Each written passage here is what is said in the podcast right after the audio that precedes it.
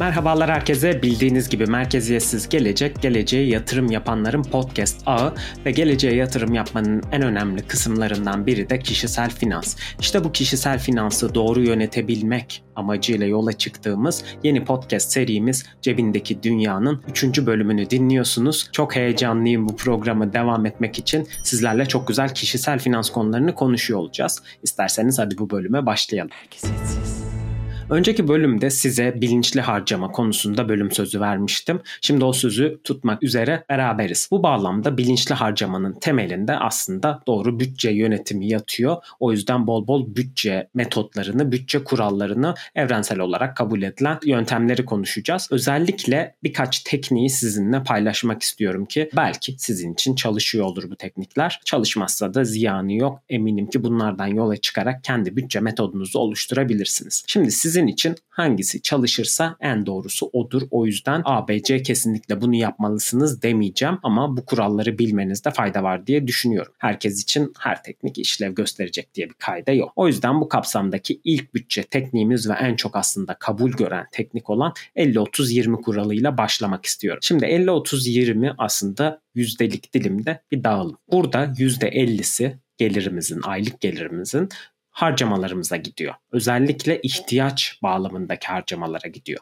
Nedir bunlar? Mesela işte temel giderler, elektrik faturası, su faturası, ev kirası, yiyecek, giyim, özellikle ihtiyacınız olan giyim, kendinizi ihtiyacınız varmış gibi kandırdığınız lüks tüketim giyim değil, gerçekten ihtiyacınız olan giyim gibi temel yaşam giderleri bu kategoriye giriyor. Buna ek olarak %30 gibi bir kısmı da aslında isteklerimize ayırabiliyoruz bu bütçe kapsamında. Bu %30 da kişisel isteklerimize gidiyor. Burada eğlence, restoran ziyaretleri, tatiller gibi keyif harcamalarını bu kapsamda değerlendirebiliyorsunuz. Fark ettiyseniz gelen maaşın %80'i gitti bile. Geriye kalan %20 ile de ne yapıyoruz? Tasarruf ve yatırım. Bu %20'yi iç miktarı azaltmadan doğrudan tasarruf ve yatırıma yönlendirmek çok önemli. Hatta elinize geliriniz geçer geçmez bu %20'lik kısmı sanki maaşınız %80'i kadar varmış gibi kabul ederek bu yüzdelik kısmı yatırıma ve tasarrufa ayırmanız çok önemli. Maaşınızdan geriye kalan bu kısım aslında İlk aşamada acil durum fonlarını tabii ki oluşturmak için kullanılıyor. Bu acil durum fonları sizin harcamalarınızın ilk aşamada 3-6 aylık kısmını kapsayacak şekilde eğer bugün işinizi kaybetseniz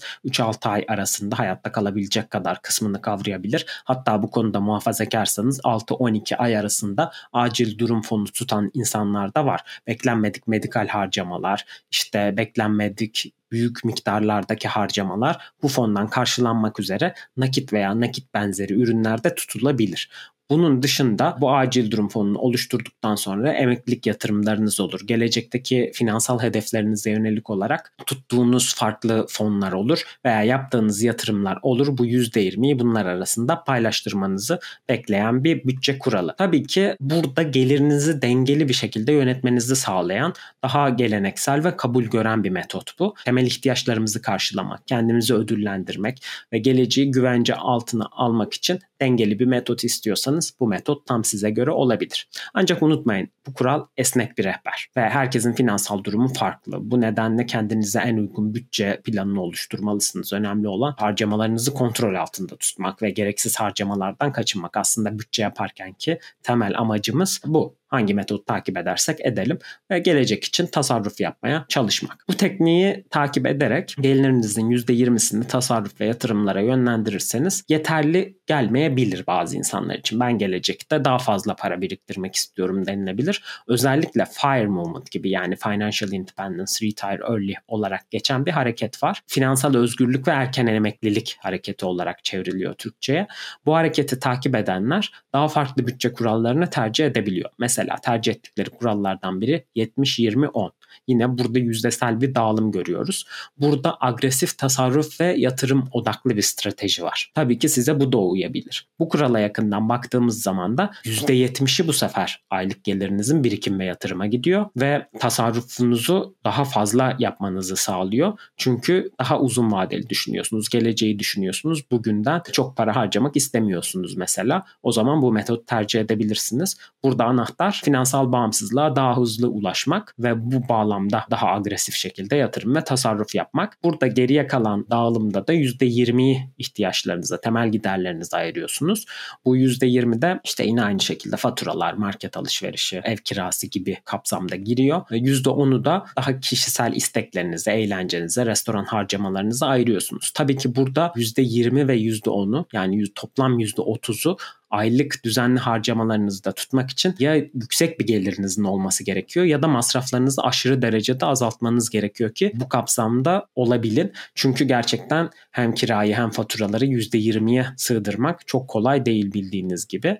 O yüzden bu koşullara uyabiliyorsanız takip edebileceğiniz bir bütçe kuralı olarak karşımıza çıkıyor bu. Unutmayın ki yani fair hareketi, finansal özgürlüğü ve erken emekliliği kafaya takmış insanların takip ettiği çok agresif bir strateji. Kesinlikle kesinlikle size uymak zorunda değil. Bir sonraki bölümde hatta bu FIRE hareketine detaylı şekilde eğileceğiz.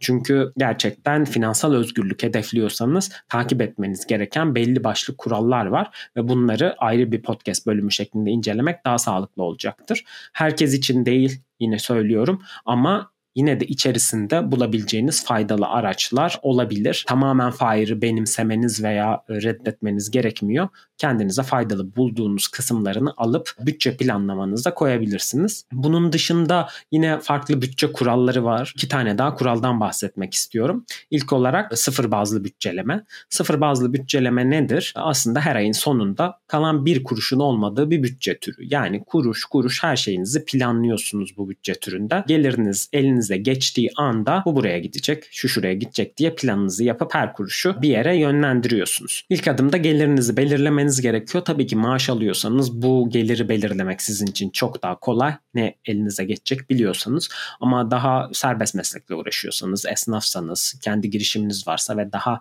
e, esnek bir gelir kaleminiz varsa ya bunu gelir miktarınız belli olur olmaz planlayarak ya da ortalama bir gelir kendinize hesaplayarak bu gelir üzerinden plan yapabilirsiniz. Ama her kuruşu harcamanız gerektiği için bu gelirin kesinleşmesi bütçe metodu için daha sağlıklı olacaktır. Onu beklemek daha faydalı olacaktır. Daha sonra burada yine aynı şekilde para elinize geçtiği gibi kiraya, faturaya, yiyecek içeceklere ve diğer giderlere ayırabilirsiniz bu parayı. Her harcamanızı, ödemenizi, yatırıma ayıracağınız bedeli, birikim hesabına göndereceğiniz miktarı geliriniz içerisinden çıkartıyorsunuz bu metotta ve sıfıra ulaşmayı hedefliyorsunuz. Burada her kuruşunuzu bir amaç için kullanmış oluyorsunuz aslında. Bütçenizde kalan para olmadan sıfır bakiyeye ulaştığınız zaman da verimli bir şekilde bütçenizi kullandığınızı varsayabiliyorsunuz. Şimdi bu metodu niye insanlar tercih ediyor? Aslında paranızı kontrol altında tutmanın ve her harcamayı bilinçli bir şekilde yapmanın etkili bir yolu bu. Böylece gereksiz harcamalardan kaçınıyorsunuz. Özellikle tasarruf etmek gibi bir hedefiniz varsa oraya ayırdığınız miktar o tasarrufu garanti altına alıyor. Borçlarınız varsa daha ayın başındayken bu borçlar için belli bir miktarı ayırmak borçlarınızı rahat ödemenizi sağlıyor.